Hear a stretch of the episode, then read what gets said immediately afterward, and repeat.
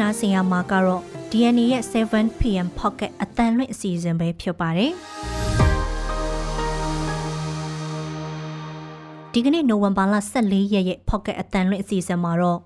တိုက်ပွဲပြင်းထန်နေတဲ့ကရင်နီမှာ3ရက်အတွင်းအရက်သား20ဦးသေဆုံးနေဆိုတဲ့အကြောင်းရှမ်းမြောက်အပြင်ရခိုင်မှာပါတိုက်ပွဲပြန်ဖြစ်ပြီးတဲ့နောက်စစ်ကောင်စီကတရုတ်တန်အမတ်နဲ့တွေ့ဆုံနေဆိုတဲ့အကြောင်းရွှေပြည်စိုးစစ်စင်ရေးကို ပြည်သူတွေကူညီပေးဖို့ PDF တိုက်တွန်းနေဆိုတဲ့အကြောင်းရခိုင်တိုက်ပွဲပြန်ဆတဲ့နေ့မှာပဲစစ်ကောင်စီကစခန်း40နီးပါးဆုံးလုပ်ခဲ့ရတယ်ဆိုတဲ့အကြောင်းရခိုင်မှာရဲစခန်းတစ်ခုလုံးလက်နက်ချခဲ့တဲ့ရွာဟာလက်နက်ကြီးပစ်ခံရလို့၃ဦးသေဆုံးနေဆိုတဲ့အကြောင်းစတဲ့ပြည်တွင်းသတင်းတွေနဲ့ဂါဇာစီးရုံတစ်ခုကိုဟာမတ်စ်တွေစစ်စခန်းအဖြစ်အသုံးပြုခဲ့ကြောင်းအစ္စရေးဖော်ထုတ်တယ်ဆိုတဲ့အကြောင်း ဒေဝါလီပွဲတော်အပီးလေထုညဉ့်ညမ်းမှုအခြေအနေစိုးသက်ထက်ဆိုးလာတဲ့ဒေလီမြို့ဆိုတဲ့အကြောင်းစတဲ့နိုင်ငံတကာသတင်းတွေကိုနားဆင်ရမှာပါရှင်ဒီစီစဉ်ကိုတော့ကျမနန်းခမ်းနဲ့ကိုမောင်သိန်းကတင်ဆက်ပေးပါမယ်ရှင်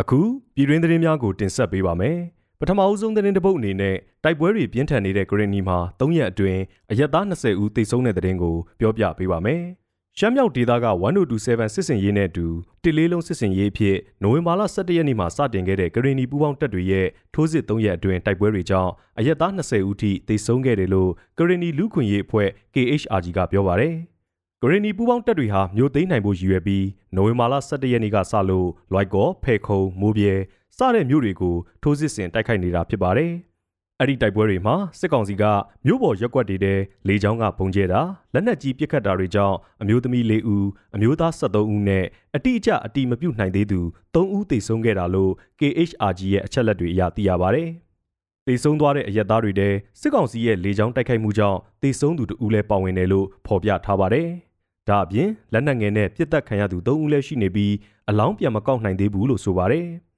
ဒါအပြင်တိုက်ပွဲတွေအတွင်းဖမ်းဆီးခံထားရသူတွေလည်းရှိနေပြီးဖုံးတော်ကြီးတစ်ပါးအပါအဝင် အမျိုးသား12ဦးအမျိုးသမီး4ဦးဖမ်းဆီးခံထားရတာကိုအတည်ပြုထားနိုင်တယ်လို့ KHRG ကပြောပါတယ်။ဒါဟာ KHRG အနေနဲ့အတည်ပြုကောက်ယူထားနိုင်တဲ့စီးရင်သာဖြစ်ပြီးအတည်မပြုနိုင်သေးတဲ့ထိခိုက်ဒေဆုံးမှုနဲ့ဖမ်းဆီးခံရမှုတွေလည်းရှိနိုင်သေးတယ်လို့ဆိုထားပါတယ်။ လက်ရှိကရီနီတိုက်ပွဲတွေမှာစစ်ကောင်စီဘက်ကအထိနာနေသလိုစစ်တုံးမှန်းအဖြစ်ဖမ်းဆီးခံရတာတွေနဲ့လက်နက်ခဲယမ်းသိမ်းဆည်းခံရတာတွေအပြင်တိုက်ခိုက်ရေးလေရင်တစည်းလဲပြစ်ချခံထားရပါတယ်။အလားတူကရီနီပူးပေါင်းတပ်တွေဘက်ကလည်းထိခိုက်ကြဆမှုတွေရှိနေတယ်လို့သိရပြီးအချက်လက်တိတိကျကျတော့မသိရသေးပါဘူး။ရှမ်းမြောက်အပြင်ရခိုင်မှာပါတိုက်ပွဲပြန်ဖြစ်ပြီးတဲ့နောက်စစ်ကောင်စီကတရုတ်တန်အမတ်နဲ့တွေ့ဆုံနေဆိုတဲ့အကြောင်းကိုဆက်လက်ပြောပြပေးပါမယ်။ညီနောင်မဟာမိတ်သုံးဖွဲ့ရဲ့ရှမ်းမြောက်ထိုးစစ်စတင်ပြီးကလေးက စစ်ကောင်စီနဲ့တရုတ်အစိုးရတာဝန်ရှိသူတွေကြားတွေ့ဆုံဆွေးနွေးမှုတွေဆက်တိုက်ရှိခဲ့ကြသလိုမနေ့ကရခိုင်မှာပါတိုက်ပွဲပြန်ဖြစ်ခဲ့တဲ့နောက်တရုတ်တန်အမတ်နဲ့စစ်ကောင်စီနိုင်ငံသားရေးဝန်ကြီးတို့တွေ့ဆုံခဲ့ကြပါတယ်။စစ်ကောင်စီရဲ့သတင်းထုတ်ပြန်ချက်အရတရုတ်တန်အမတ်မစ္စတာချန်ဟိုင်နဲ့စစ်ကောင်စီရဲ့နိုင်ငံသားရေးဝန်ကြီးဦးတန်းဆွေတို့ဟာမနေ့ညနေပိုင်းကနေပြည်တော်မှာတွေ့ဆုံခဲ့ကြတာပါ။တွေ့ဆုံမှုအတွင်းနိုင်ငံဆက်ဆံရေးနေဆက်ဒေသတည်ငြိမ်ရေးနဲ့တရားဥပဒေစိုးမိုးရေးအတွက် နှစ်ဖက်ပူးပေါင်းဆောင်ရွက်မဲ့အပေါ်ဆွေးနွေးခဲ့ကြတယ်လို့ပဲစစ်ကောင်စီကထုတ်ပြန်ထားပါတယ်။အရင်ကလည်းရခိုင်ပြည်နယ်အတွင်းကစီးရဲလှုပ်ရှားမှုတွေနဲ့တရုတ်မြန်မာနယ်စပ်ကတိုက်ပွဲတွေမှာတရုတ်အာဏာပိုင်တွေကကြားဝင်ညှိနှိုင်းပေးတာမျိုးရှိခဲ့တာကြောင့်လက်ရှိညီနောင်သုံးဖွဲ့ရဲ့ထိုးစစ်တွေအပေါ်တရုတ်ရဲ့ရည်တည်မှုဟာစောင့်ကြည့်ခံနေရပါတယ်။ဒါပေမဲ့ဒီကနေ့အထိတော့တရုတ်အာဏာပိုင်တွေကတိုက်ပွဲတွေရပ်ကြဖို့နေဆက်ဒေသလုံခြုံရေးကိုတတိပြုကြဖို့ သတင်းစာရှင်းလင်းပွဲတချို့မှာလူသိရှင်ကြားထုတ်ပြောတာကလွဲလို့ညီနောင်မဟာမိတ်တပ်တွေကိုတိုက်ရိုက်ရည်ညွှန်းပြောဆိုချက်တစုံတရာမရှိသေးပါဘူး။နောက်ထပ်သတင်းတစ်ပုဒ်အနေနဲ့ရွှေပြည်စိုးစစ်စင်ရေးကိုပြည်သူတွေကူညီပေးဖို့ PDF တိုက်တွန်းတဲ့သတင်းကိုပြောပြပေးပါမယ်။မန္တလေးမြို့ကိုသိမ်းပိုက်ဖို့တိရွယ်တဲ့ရွှေပြည်စိုးစစ်စင်ရေးမှာပြည်သူတွေပူးပေါင်းပါဝင်ပေးဖို့အဲ့ဒီစစ်စင်ရေးကိုပူးပေါင်းဆောင်ရွက်နေတဲ့မန်းခရိုင်တရင်သုံးရဲ့တရင်မှုဘိုနက်ခတ်ကတိုက်တွန်းလိုက်ပါတယ်။ ရွှေပြည်စိုးစစ်စင်ရေးကိုမနေ့ကစတင်လိုက်ပြီးနေ့လယ်တနာရီလောက်ကအမရပူရမြို့နယ်တောင်တမန်ကန်ထိပ်ရှိအမှတ်နှစ်ပင်မအလုံးယုံလျှက်စစ်ဌာနနဲ့တမာရန်ရှိစစ်တပ်အရာရှိအိမ်ယာကို Fit Win Drone နဲ့ဘုံကျဲတိုက်ခိုက်ခဲ့တယ်လို့ဒေါ်လာရင်းအင်အားစုတွေကထုတ်ပြန်ထားပါတယ်။အဲ့ဒီတိုက်ခိုက်မှုနဲ့ပတ်သက်ပြီးစစ်ကောင်စီတပ်ရဲ့ထိခိုက်မှုအခြေအနေတွေကိုမသိရသေးပေမဲ့အထိခိုက်များနိုင်တယ်လို့သူကသုံးသပ်ပါတယ်။ ဒါအပြင်တောင်တမန်ကံပတ်လန်းရှိအနီးတစ်ဝိုက်မှာမနေ့ကနေ့လယ်ပိုင်းကတနက်ပစ်ခတ်တံတွေကြားခဲ့ရပြီးပါလာစာနှစ်တဝန်းတွေကိုလူမှုကူညီရေးအသင်းကားတွေဝင်ရောက်သွားတာကိုတွေ့ခဲ့ရတယ်လို့လုံခြုံရေးအရာအမည်မဖော်လိုတဲ့ဒေသခံတဦးကပြောပါတယ်။မန္တလေးခရိုင်အတွင်းရှိပူးပေါင်းတပ်တွေဖြစ်တဲ့တပ်ရင်း3တပ်ရင်း4တပ်ရင်း5နဲ့တပ်ရင်း6တပ်ရင်း၄ခုပေါင်းပြီးမန္တလေးမြို့ကိုပြန်လည်စိုးမိုးဖို့ရည်ရွယ်ချက်နဲ့ရွှေပြည်စိုးစစ်စင်ရေးဆောင်ရွက်နေတာလို့အဲ့ဒီအဖွဲ့တွေကထုတ်ပြန်ထားပါတယ်။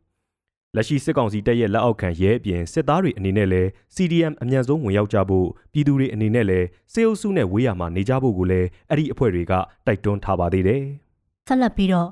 ရခိုင်တိုက်ပွဲပြန်စတဲ့နေ့မှာပဲစစ်ကောင်စီကစခန်း40နီးပါးဆွန့်လွတ်ခဲ့ရတယ်လို့ဆိုတဲ့အကြောင်းကိုပြောပြပေးပါမယ်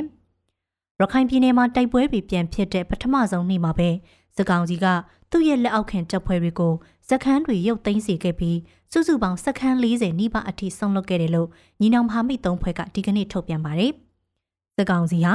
လက်အောက်ခံစစ်တပ်နေချားစောင့်တပ်ရဲစခန်းစတာတွေကိုဆွန့်လွတ်စေကနီးစက်ရစစ်စခန်းတွေမှာတွားရောက်ပူးပေါင်းစီတာ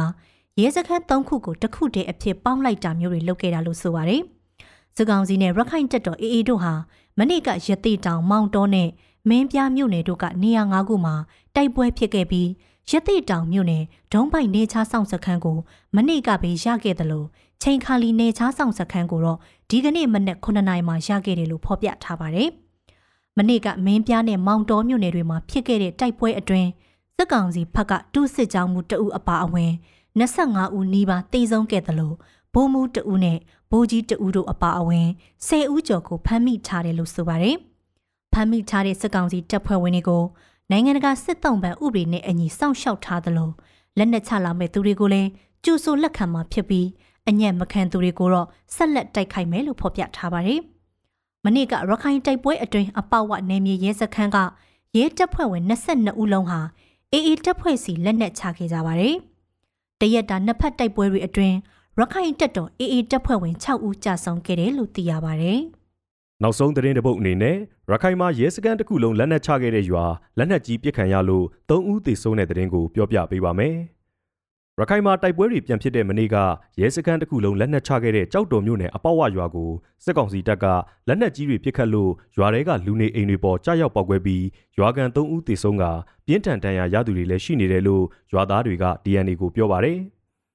လက်နက်ကြီးကြားရောက်ပောက်ကွဲမှုတွေကြောင့်အပဝရွာကတက်ကြီးအမျိုးသမီးတဦးနဲ့တအိမ်ထဲနေလင်မယားနှစ်ဦးသေဆုံးသွားပြီးတက္ကသိုလ်ဝန်ထမ်းကျောင်းသူတဦးလက်ပြတ်ထွက်ဒဏ်ရာရထားသလိုနောက်ထပ်ဒဏ်ရာရသူတွေလည်းရှိနေသေးတယ်လို့ရွာကန်အမျိုးသမီးတဦးကပြောပါတယ်။မနေ့ကညနေ၄နာရီလောက်ကစလို့ကလရန်မြစ်ကျောင်းတစ်လျှောက်မောင်းနှင်လာတဲ့စစ်ရေရင်နဲ့ကန်စောက်အမြောက်တပ်စခန်းတို့ကနေလက်နက်ကြီးလက်နက်ငယ်တွေပစ်ခတ်ခဲ့တာဖြစ်ပြီးအပဝရွာတဲကိုလက်နက်ကြီး9လုံးလောက်ကြားရောက်ပောက်ကွဲတယ်လို့ဆိုပါတယ်။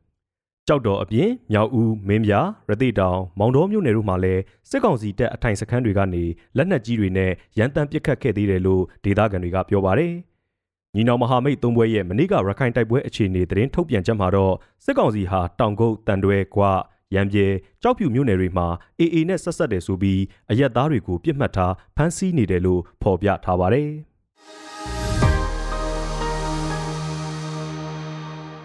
တက်လက်ပြီး နိုင်ငံတကာသတင်းအစီအစဉ်ကိုတင်ဆက်ပေးပါမယ်။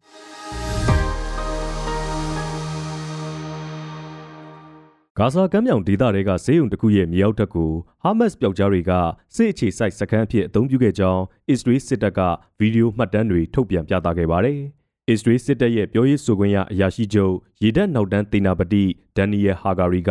ဂါဇာမှာအစ္စရေးတပ်တွေဝန်းရံထိန်းချုပ်ထားလိုက်တဲ့ရန်တီစီကလေးစေးရုံမြေအောက်ထပ်မှာ ဟာမတ်စ်တွေလျှို့ဝှက်ထားရှိတဲ့လက်နက်တိုက်နေရာကိုပြသခဲ့ပါတယ်။အဲ့ဒီစေယုံဟာကင်ဆာလိုဆိုးရွားတဲ့ယောဂါတွေနဲ့ကလေးတွေကိုလက်ခံကုသပေးနေတဲ့နေရာတစ်ခုပါ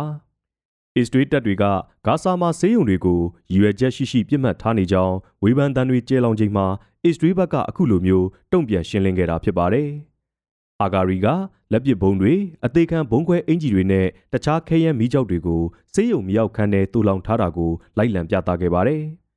အဲ့ဒီနေရာမှာမွေးကင်းစကလေးတွေအသုံးပြုတဲ့နိုဘူးလေးတွေနဲ့တခြားအသုံးဆောင်တွေပါရှုပ်ပွနေတာကိုတွေ့ရပါတယ်။ဟာမတ်စ်တွေဟာစေယုံတဝိုက်ကိုထိန်းချုပ်ထားပြီးစေယုံကိုအခြေစိုက်စခန်းအဖြစ်အသုံးပြုရင်းအစ္စရေးကိုရန်လိုတိုက်ခိုက်နေခဲ့တယ်လို့လည်းဟာဂါရီကဆိုပါတယ်။နောက်ပြီးစေယုံရဲ့မြေအောက်ထပ်မှာတင်စီရမိတဲ့လက်နက်တွေဟာဖျက်ဆီးအားပြင်းထန်တဲ့စစ်စင်ရေးအစီအမံတွေအတွက်အသုံးပြုနိုင်တဲ့ပမာဏမျိုးလို့သူကဆက်ပြောပါတယ်။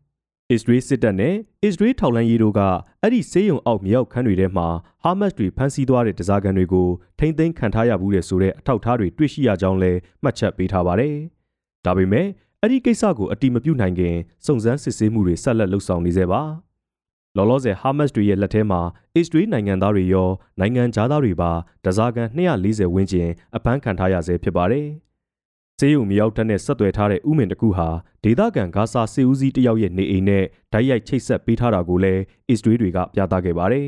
။အစ္စရေးစစ်တပ်ဟာဂါဇာကမ်းမြောင်ဒေသထဲနက်နက်ရှိုင်းရှိုင်းထိုးဖောက်ဝင်ရောက်ပြီးဟာမတ်တွေရဲ့စစ်အခြေစိုက်စခန်းတွေကိုရှင်းလင်းရမှာစေယုံတွေကိုပါစီးနှင်းရှာဖွေစစ်ဆေးနေတာပါ။ အစ္စရေးရဲ့မဟာမိတ်ဖြစ်တဲ့ အမေရိကန်သမ္မတ ဂျိုးဘိုင်ဒန်ကတော့ ဟာမတ်စစ်အခြေစိုက်စခန်းတွေ ဖော်ထုတ်ရမှာ ကလေးတွေနဲ့ လူနာတွေ ထိခိုက်မှုမရှိအောင်တတိထားဆောင်ရွက်ဖို့ တိုက်တွန်းထားပါတယ်။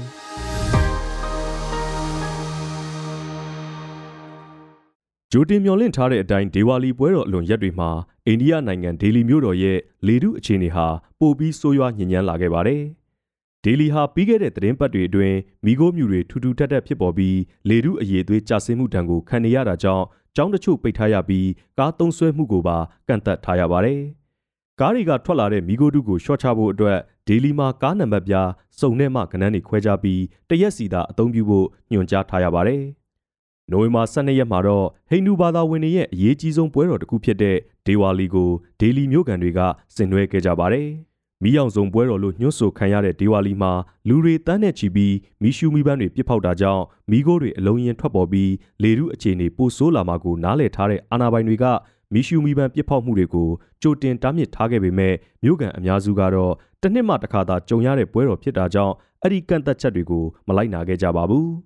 ဒေဝါလီနေ့ညပိုင်းမှာနေရအနှံ့မီးရှူးမီးပန်းတွေပြစ်ဖောက်ခဲ့ကြပြီးနောက်တနေ့မနက်မှာတော့ဒေလီမြို့ထဲမှာမီးခိုးမြူတွေတိတ်တိတ်တဲတဲဖွဲ့စည်းနေတာကိုတွေ့ခဲ့ရပါတယ်။ အရင်ကတည်းကဒေလီရဲ့ပတ်ဝန်းကျင်ဒေသတွေမှာစောင်းသီးနှံသစ်စိုက်ပျိုးဖို့ရိုးပြတ်ဟောင်းတွေကိုမိရှို့ရာကအလုံးရင်းထွက်ပေါ်လာတဲ့မိโกတွေနဲ့ရာသီဥတုအေးမြလာတဲ့အခြေအနေပေါင်းစည်းပြီးမိโกမြူတွေထူထပ်နေခဲ့ပြီးဖြစ်ပါတယ်။အာနာပိုင်တွေကဒေသခံတွေအနေနဲ့အတက်နိုင်ဆုံးအိမ်ထဲမှာပဲနေကြဖို့တိုက်တွန်းထားပြီးမဖြစ်မနေအပြင်ထွက်ရင်လည်းနှာခေါင်းစည်းတွေမပြတ်မကွက်ဝတ်ဆင်ကြဖို့တိုက်တွန်းထားပါတယ်။ကျွမ်းကျင်သူတွေကဒေလီရဲ့လေထုညဉ့်ညက်မှုပြဿနာဟာရပ်ပိုင်းတွင်ပြေလည်သွားမယ်အလားအလာမရှိသေးဘူးလို့ဆိုပါတယ်။ လောလောဆယ်ဒေလီရဲ့လေထုအခြေအနေဟာအလွန်ဆိုးရွားနေတာကြောင့်တနေ့ကိုဆေးလိပ်အလိပ်30နီးပါးလောက်တောက်နေတယ်လို့မျိုးအဆုတ်ကိုထိကိုက်စေနိုင်တယ်လို့လည်းကျန်းမာရေးပညာရှင်တွေကသတိပေးပြောကြားထားကြပါတယ်။